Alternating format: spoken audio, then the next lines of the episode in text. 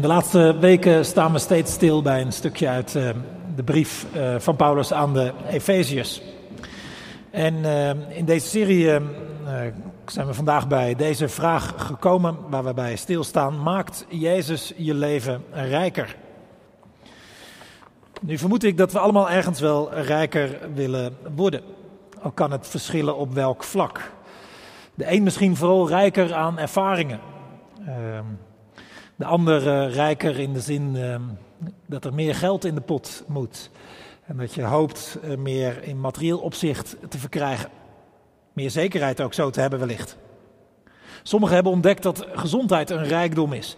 En hopen vooral dat te houden of alsnog te krijgen. Weer een ander hoopt op een rijk sociaal leven. Goede en lange vriendschappen. Of juist ook steeds weer nieuwe vrienden. Of een rijk gezinsleven misschien wel. Nou ja, het kan misschien wat verschillen, maar rijker worden, dat willen we allemaal wel. En het idee van het christelijk geloof is dat het inderdaad zo is dat Jezus je rijker maakt. Maar dan niet per se op bovenstaande gebieden.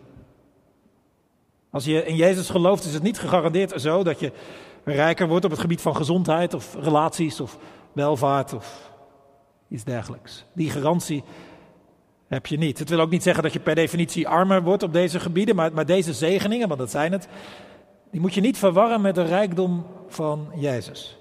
Die, die rijkdom van Jezus is van een andere orde. Het is ja, ook weer niet een soort extra rijkdom, hè, bovenop die andere rijkdommen.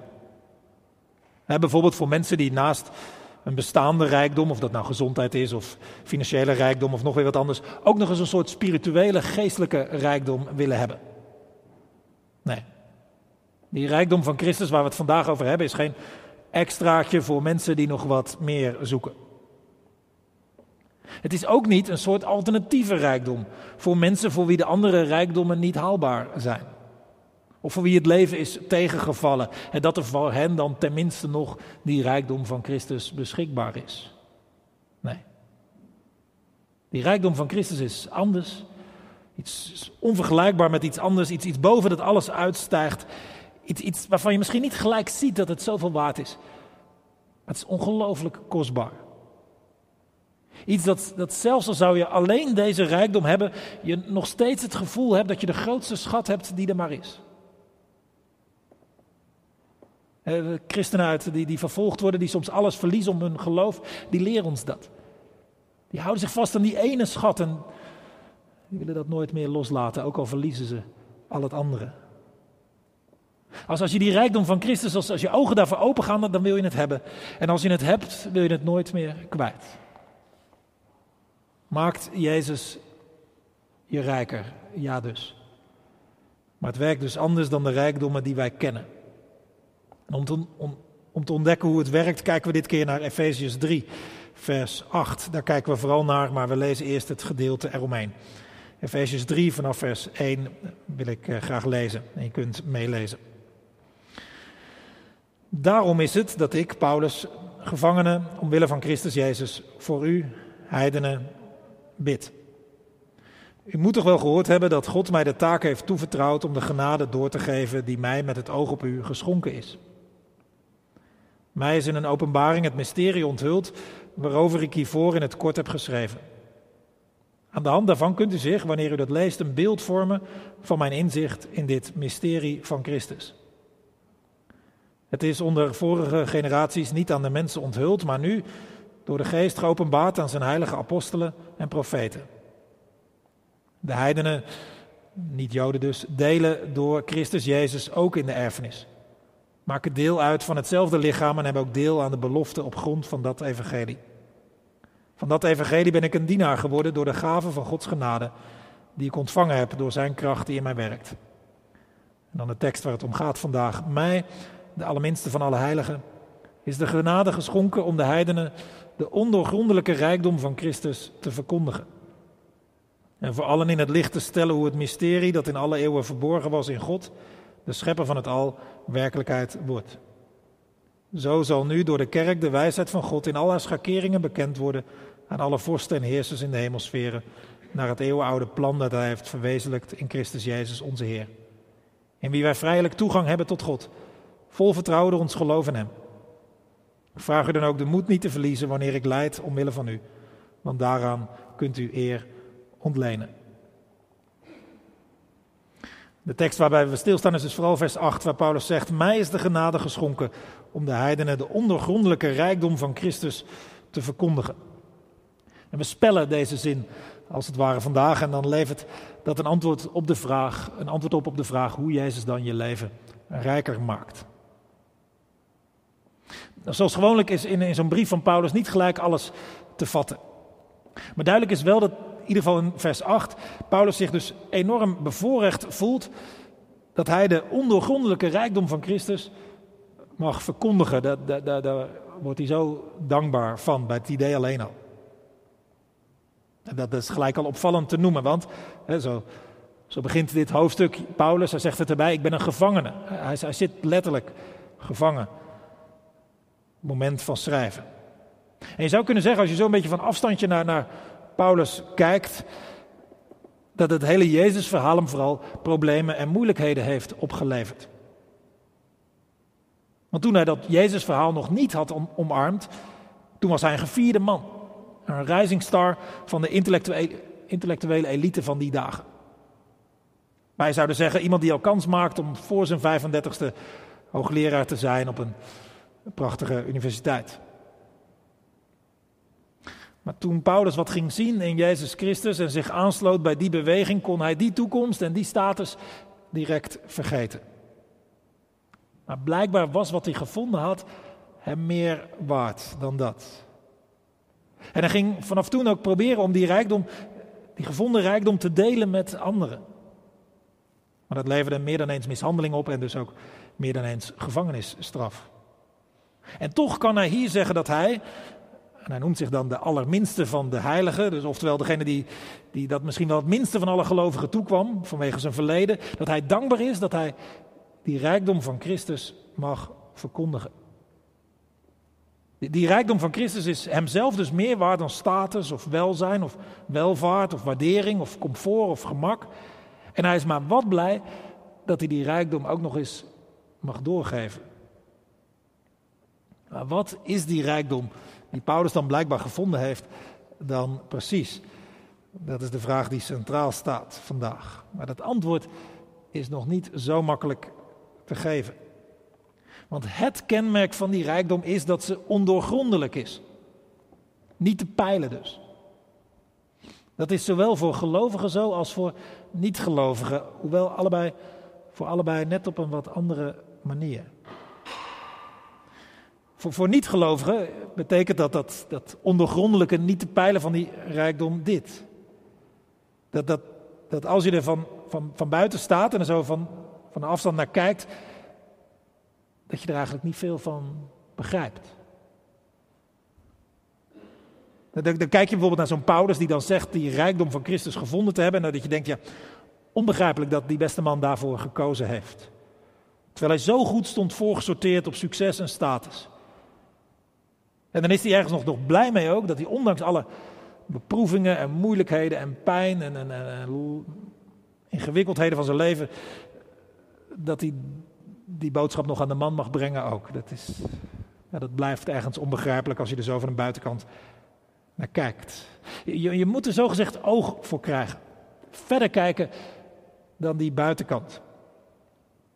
In een andere brief van Paulus, 2 Korintiërs 4, wordt gezegd dat het een schat is in een aardepot. Als je naar die pot kijkt, dan zie je dus niks bijzonders. Maar die pot, die, het aardevat, die bevat een ongekende schat. En in datzelfde hoofdstuk, 2 Korintiërs 4, wordt gezegd dat, dat mensen daar vaak geen oog voor hebben. Die, die zien alleen die pot, maar die, die, die zien die schat niet. Die zijn blind voor het kostbare. En daar staat dan ook dat de sluier van hun ogen moet worden weggenomen, willen ze het echt kunnen zien.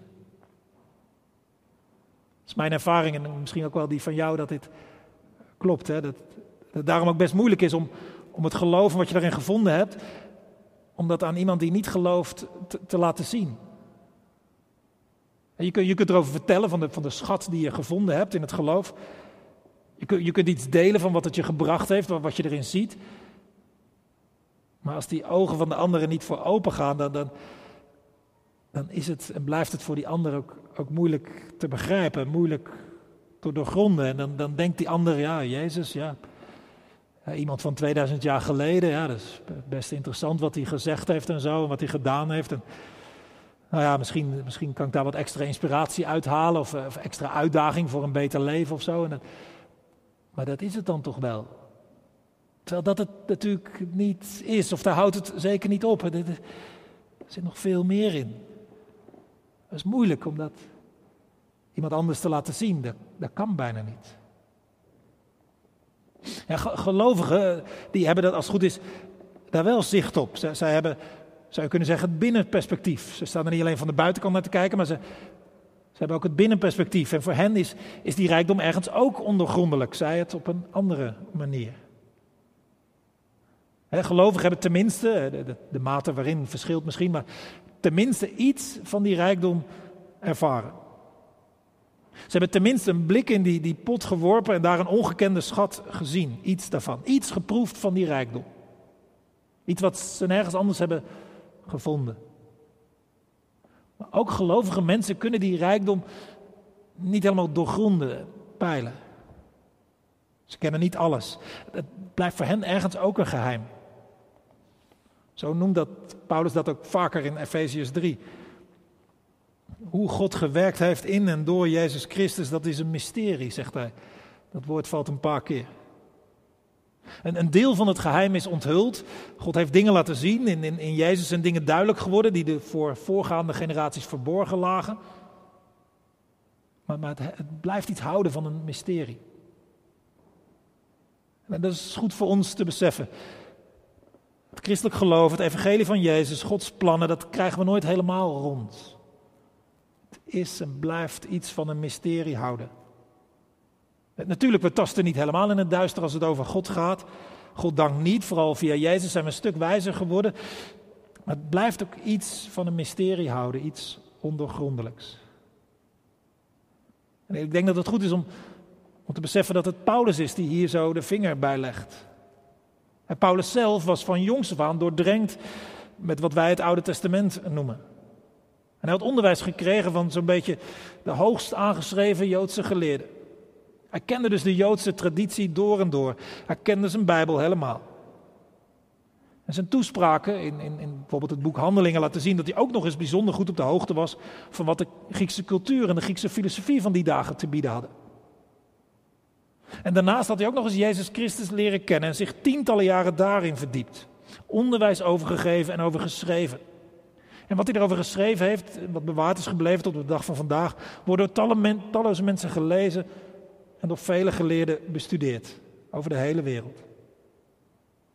En deze Paulus wordt daarom tot de dag van vandaag gezien als een van de meest invloedrijke mensen uit de geschiedenis.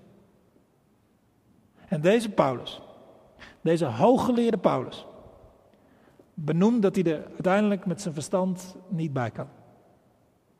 Wat God gedaan en gegeven heeft in Jezus Christus. hij kan het niet helemaal doorgronden. Natuurlijk wist hij er bijzonder veel van. En toch wist hij ook wat hij niet wist. Dat het veel was. Goed om te bedenken dat als je het niet helemaal rond krijgt, ook misschien na jaren geloven, dat, dat is heel, heel normaal. Het gaat er bij het geloof in God in het algemeen en bij die rijkdom van Christus in het bijzonder om dingen die je gewoonweg niet helemaal kunt vatten met je beperkte ratio. Natuurlijk, je kunt erin groeien. Je kunt achter dingen komen, je kunt verder komen in dat mysterie.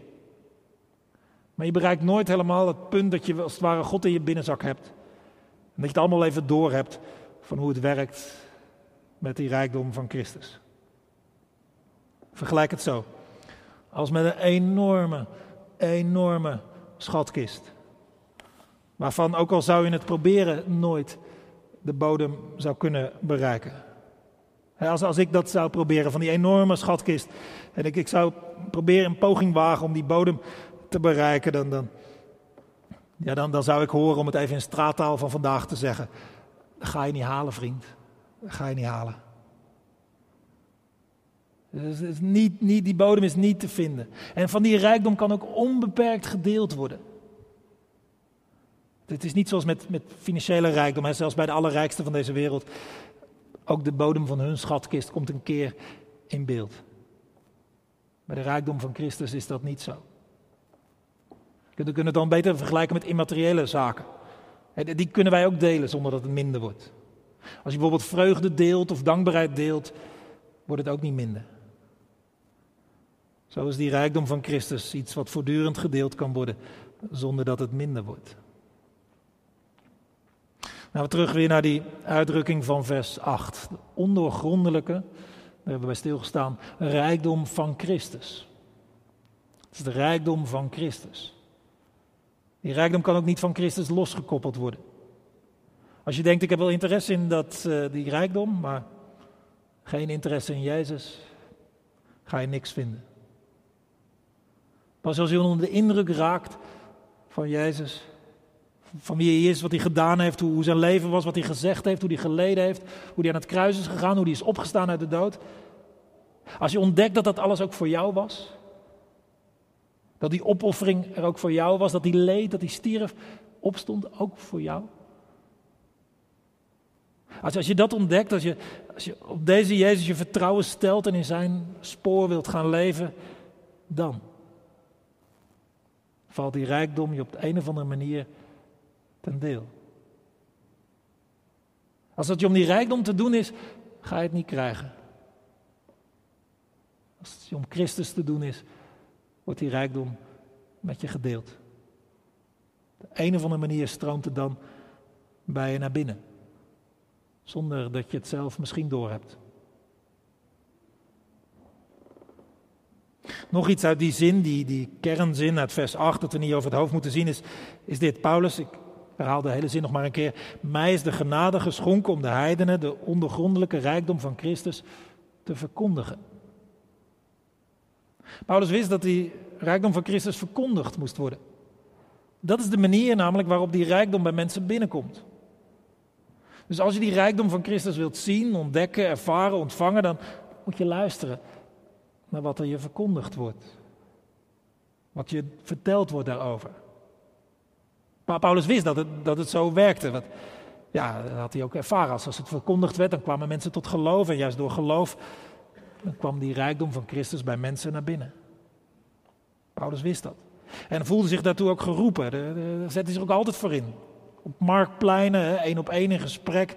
Tijdens zijn werk als tentenmaker, maar ook in collegezalen. Juist ook in, in Efeze of, of, in synagogen. Ook in de gevangenis gaat hij ermee door, hè, via, via het schrijven van brieven. Verkondigen. In, in dat woord zit oorspronkelijk iets van, van een heraut. Die kondigde toen de tijd dingen aan namens een hogere machthebber. Zo, zo voelt Paulus zich ook. Namens God, de allerhoogste machthebber, kondigt hij aan wie Jezus is. Wat hij gedaan heeft. Wat God via hem aan mensen geeft. En die mensen zijn er nog steeds en ook nodig ook. Verkondigers, herauten. Wij zouden misschien eerder zeggen omroepers of presentatoren. Eh, ambassadeurs of doorgevers of vertegenwoordigers of hoe je het ook zeggen wil. Het gaat om mensen die, die dat, dat, die rijkdom van Christus doorgeven. Eén op één, klein groepje, een kerkdienst online. Dat maakt niet uit. Maar zo komt die rijkdom bij mensen. Zo komt die rijkdom bij jou en mij. En zo komt die rijkdom ook meer en meer bij jou en mij. En natuurlijk roept dat ook vandaag de dag de vraag op dat je denkt, ja, waarom moet het me aangezegd worden? Hè? Waarom kan ik dat zelf niet ontdekken? En waarom moet ik dan luisteren naar, naar iemand anders? En waarom moet dat steeds weer en zo? En, en, dan moet ik maar daar, naar blijven luisteren, naar, naar die verkondiging en zo. Dat zijn geen nieuwe vragen, geen nieuwe bezwaren. Dat stond van meters van ter discussie. Paulus moet het ook verdedigen in zijn tijd. Hij noemt het ergens ook een dwaasheid. Dan heeft hij het over de dwaasheid van de verkondiging. Zo noemt hij dat. Dat, dat, dat, mensen ervoor, dat God ervoor gekozen heeft om mensen te bereiken via de dwaasheid van de verkondiging. Wij kunnen de dwaasheid van dit idee wel, wel inzien. Hè? Dat, je de, dat, dat feilbare mensen het woord krijgen en dat die het moeten doorgeven. Dat is vragen om ongelukken, zou je bijna kunnen zeggen. Dat het via feilbare mensen zo door moet, moet verteld worden en door moet gaan, doorgegeven wordt. En toch, zo heeft God het bedacht. Dat zo de rijkdom van Christus bij mensen komt. En dus het is niet zo dat het als je, je eens is aangezegd, dat je het dan wel weet. Het moet je steeds weer aangezegd worden. Zodat die rijkdom van Christus ook steeds meer voor je gaat leven. Zodat je daar steeds meer van gaat zien. Als je dat niet doet, als je denkt dat je het op jezelf kunt, dat je geen verkondiging meer nodig hebt, dat je geen gesprekken meer nodig hebt waarin anderen het met jou delen, dan, dan, ga, je, ja, dan ga je die rijkdom niet zien, of steeds minder zien, er steeds minder oog voor krijgen, steeds minder deel aan krijgen. Daarom dat we in Noordlicht ook dat gesprek over Jezus willen faciliteren. In kleine verband zoals de Alfa of, of Bijbelkringen, of ook door één op één ontmoetingen, maar natuurlijk ook in grote verband. In, in de diensten op zondag. In de preken natuurlijk, maar ook in, in liederen. En als het goed is, worden daar bekende dingen en onbekende dingen over Jezus gezegd en, en gezongen. En als het goed is, wordt er iedere keer zo over Jezus verteld dat er elke keer weer een andere schat wordt opgediept of, of een bepaalde oude schat weer opnieuw voor het voetlicht wordt gebracht, zodat je dit weer kan zien, dat je weer oog voor krijgt.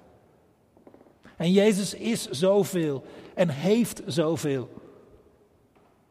En als het goed is, hoe, hoe, hoe langer ook christen bent, wordt dat, wordt dat, krijg je er steeds meer oog voor. En, en is het toch steeds weer groter en verrassender dan je, dan je oorspronkelijk dacht. Als het goed is, raak je je leven lang niet uitgekeken op Jezus. En als dat wel zo is, als je dat gevoel hebt dat je uitgekeken bent geraakt, dan ligt dat niet aan Jezus. Maar waarschijnlijk over hoe er over hem verteld wordt. Of hoe jij over hem denkt. Nou goed, weer terug naar die zin uit vers 8. We hebben hem gespeld. Rijkdom van Christus. Een ondoorgrondelijke rijkdom. Een rijkdom die je verkondigd, verteld moet worden. dan blijft er nog één woord over. Met het zinnetje waar we dan op moeten inzoomen. Die rijkdom zelf. Waar bestaat die rijkdom van Christus dan uit? Wat zit er in zijn schatkist aan schatten? Welke onbetaalbare zaken deelt hij dan uit, ook aan mensen van vandaag? Nou, zoals ik al zei, in die schatkist zit veel meer dan wij weten.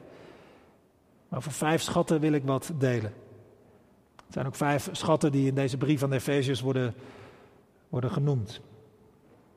En als je Jezus Christus hebt, in, in door geloof, dan krijg je deze vijf schatten ook.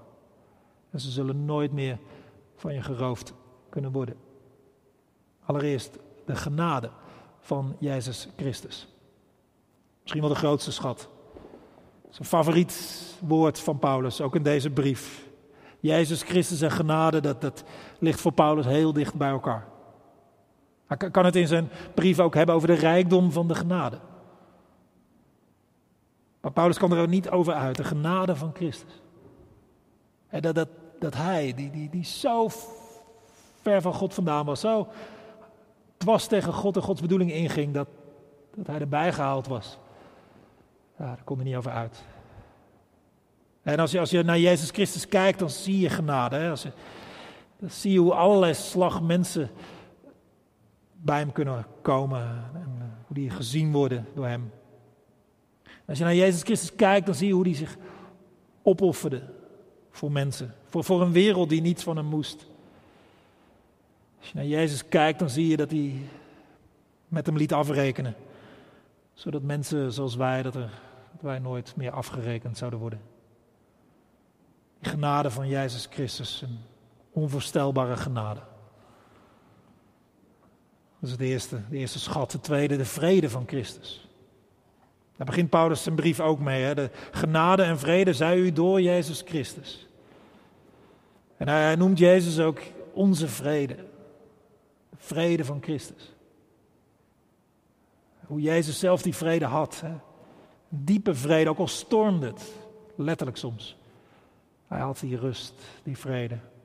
En hij bracht vrede tussen God en mensen. En vrede tussen mensen onderling. En daar ging het ook in Efeziërs al over. Vrede tussen Joden en, en heidenen, niet-Joden. Waar, waar zoveel vijandschap tussen bestond. Jezus bracht vrede. Die schat wordt je ook, valt je ook ten deel. Als je in hem gelooft. Een vrede van binnen. Een andere schat in die rijkdom is een bepaalde kracht, Gods kracht. Die Jezus ook levend gemaakt had. Die hem uit de dood deed opstaan. Paulus herinnert zijn lezers in hoofdstuk 2 daaraan. Dat, dat die kracht hen ook al ten deel was gevallen. En, en, Paulus zegt, jullie waren in geestelijk opdicht dood, zegt hij. Je, je kon alleen maar je eigen verlangens domweg volgen. Verlangens die je uitholden, die je kapot maakten. Maar Paulus zegt, het is anders geworden. Jezus heeft jullie levend gemaakt. Jezus heeft het echte leven, is het echte leven en geeft het echte leven.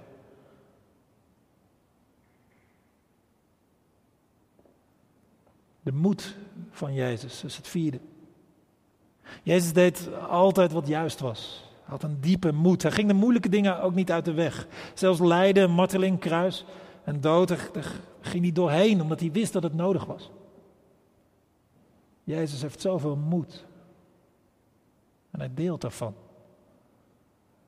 Zodat je weet dat als er moeilijke dingen zijn waar je doorheen moet, je dat met zijn moed ook kunt. Vijfde, het laatste, God. De grootste rijkdom die, die Jezus openlegt. Later in Efesiërs 3 noemt Paulus dat vrije toegang tot God. Jezus ontsluit wie, wie God is. Hoe God naar ons kijkt, wat God voor ons over heeft, hoe God ons tegemoet komt, hoe God ons het leven geeft, noem maar op. Daarover gaat het lied ook, waar we straks naar zullen luisteren. Over deze God aan wie alles te danken heeft. En dat God zo is, zoals in dit lied naar voren komt, dat weten we vooral dankzij Jezus Christus. En daarom kunnen we hem ook eeuwig dankbaar zijn. Amen. We luisteren naar het lied. Thank you.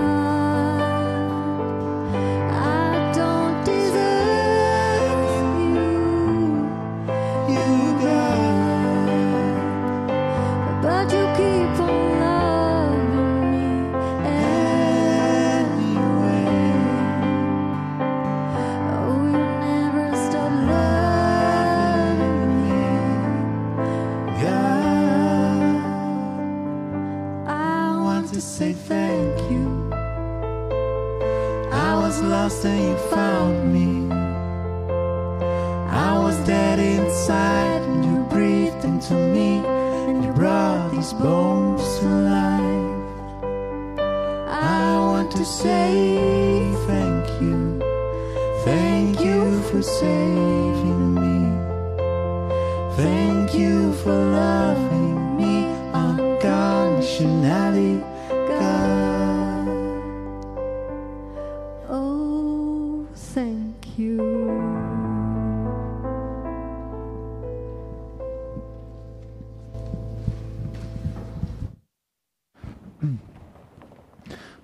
Laten we ook eh, bidden. Willen bijzonder voor eh, een paar mensen bijzonder bidden.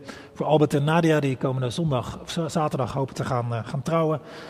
Om zegen voor die dag en die dienst. En willen ook bidden voor Itte, die een klein jaar geleden haar moeder al verloor. En ehm, afgelopen tijd haar vader ook heeft verloren. We willen voor haar bidden om steun en troost. Laten we bidden. Heere God, wil u danken voor wie u bent, wat u gegeven heeft, voor hoe u uw plannen heeft ontrold de eeuwen door. Tot uiteindelijk uw grootste schat, Jezus Christus, naar deze aarde kwam. Met een rijkdom in zich voor ons allemaal. Uh, dank u wel voor alles wat u geeft in en door Jezus Christus. We bidden u dat we daar oog voor hebben en voor houden meer en meer zicht op krijgen. En um, ja, dat het meer en meer voor ons open gaat. En dat die rijkdommen van Hem ons ten deel vallen. Geef ons meer van Jezus Christus. Ook als gemeente, als kerk, dat we elkaar daarbij helpen. Dat we het tegen elkaar zeggen, dat we het uitleggen, het voorleven. En dat we via elkaar ook meer zicht krijgen op Hem. Ook via de diensten, ook als we weer meer samen kunnen zingen, dan bidden we u ook via de preken dat we zo Jezus Christus meer en meer gaan zien. Ten volle zal niet gaan, maar meer dan nu kan voor ons allemaal.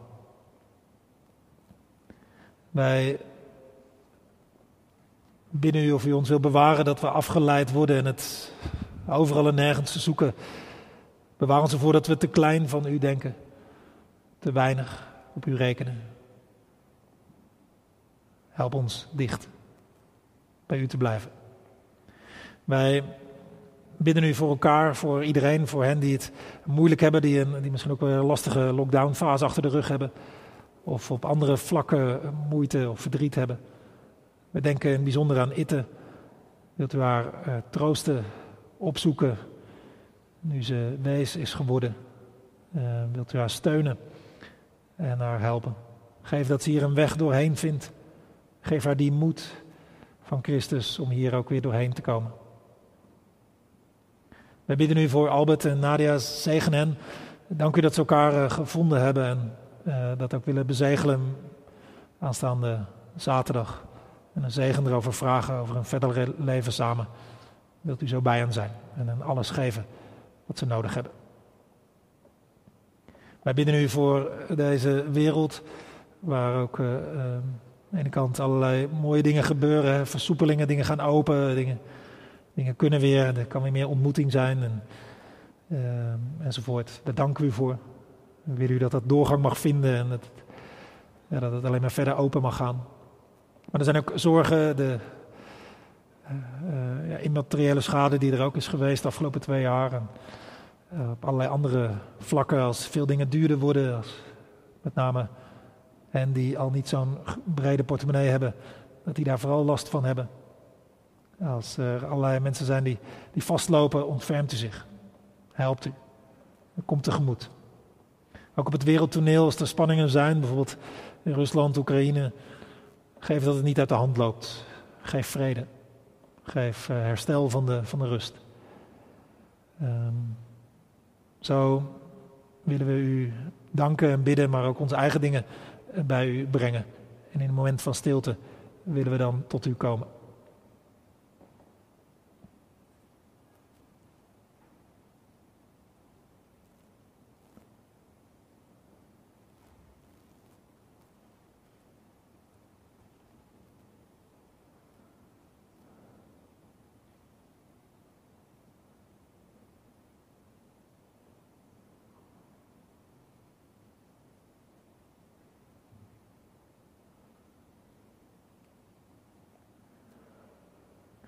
Hoor ze ons danken en ons bidden in de naam van Jezus Christus.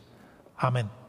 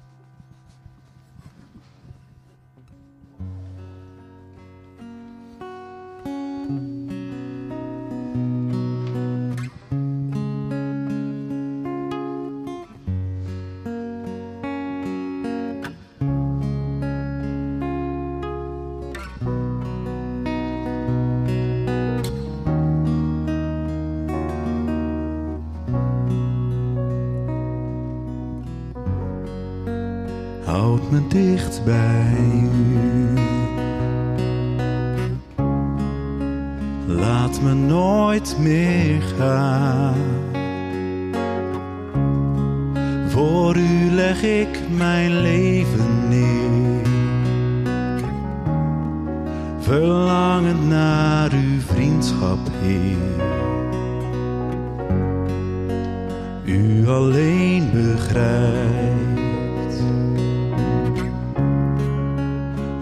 ik nodig heb. Uw liefde die mij warmte geeft. Als u mij in uw armen neemt, leid mij naar uw hart, breng mij terug naar.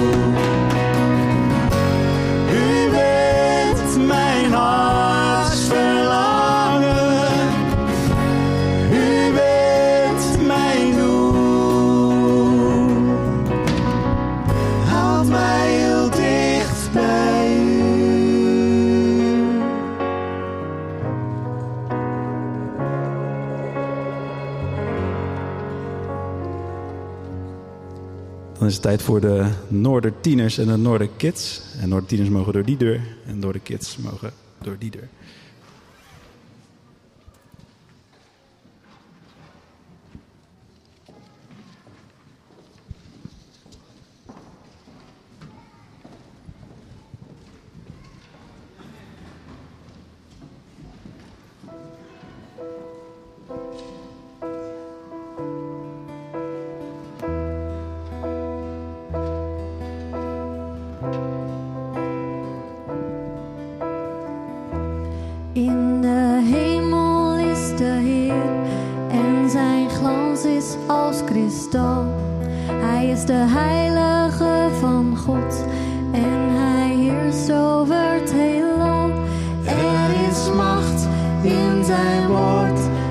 de waterbruis zijn stem. Als de zon op de zee zo blauw, zo is de rijkdom van zijn trouw.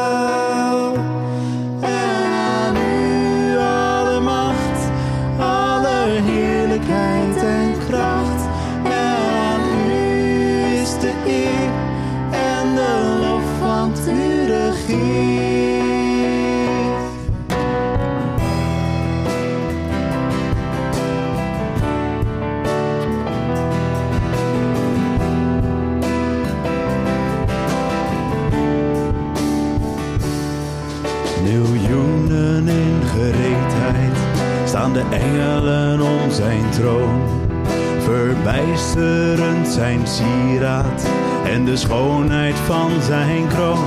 Er is macht in zijn woord, als de wateren bruist zijn stem. Als de zon op de zee zo blauw, zo is de rijkdom van zijn trouw.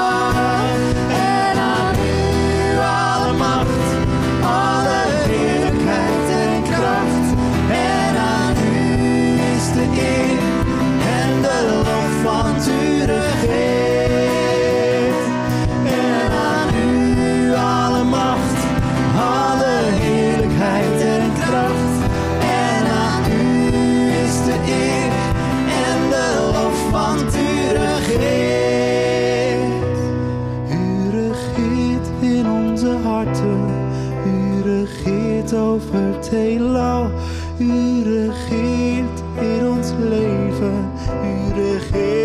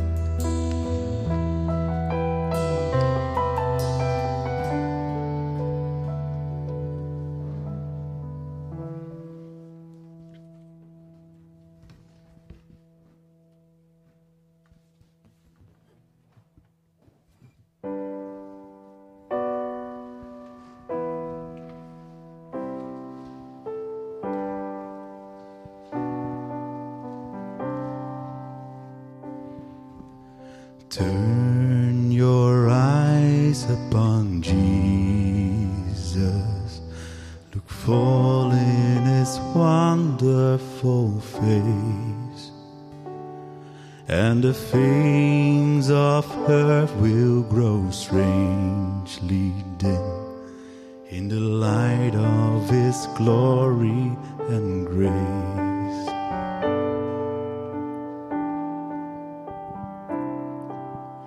Turn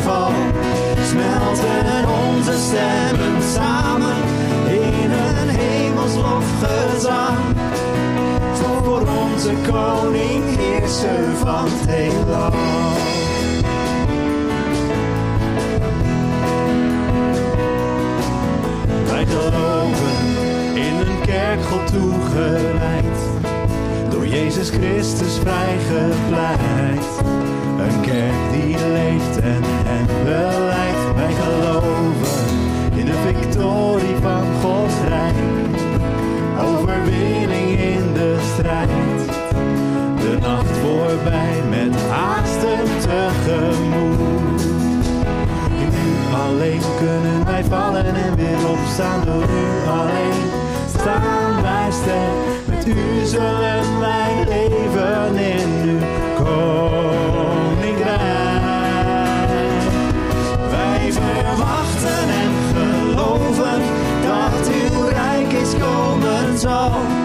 Overvloedig niet te stuiten, bruisend als een waterval. Snellen onze stemmen samen als een hemels lofgezang. Voor onze koning, heerser van het heelal.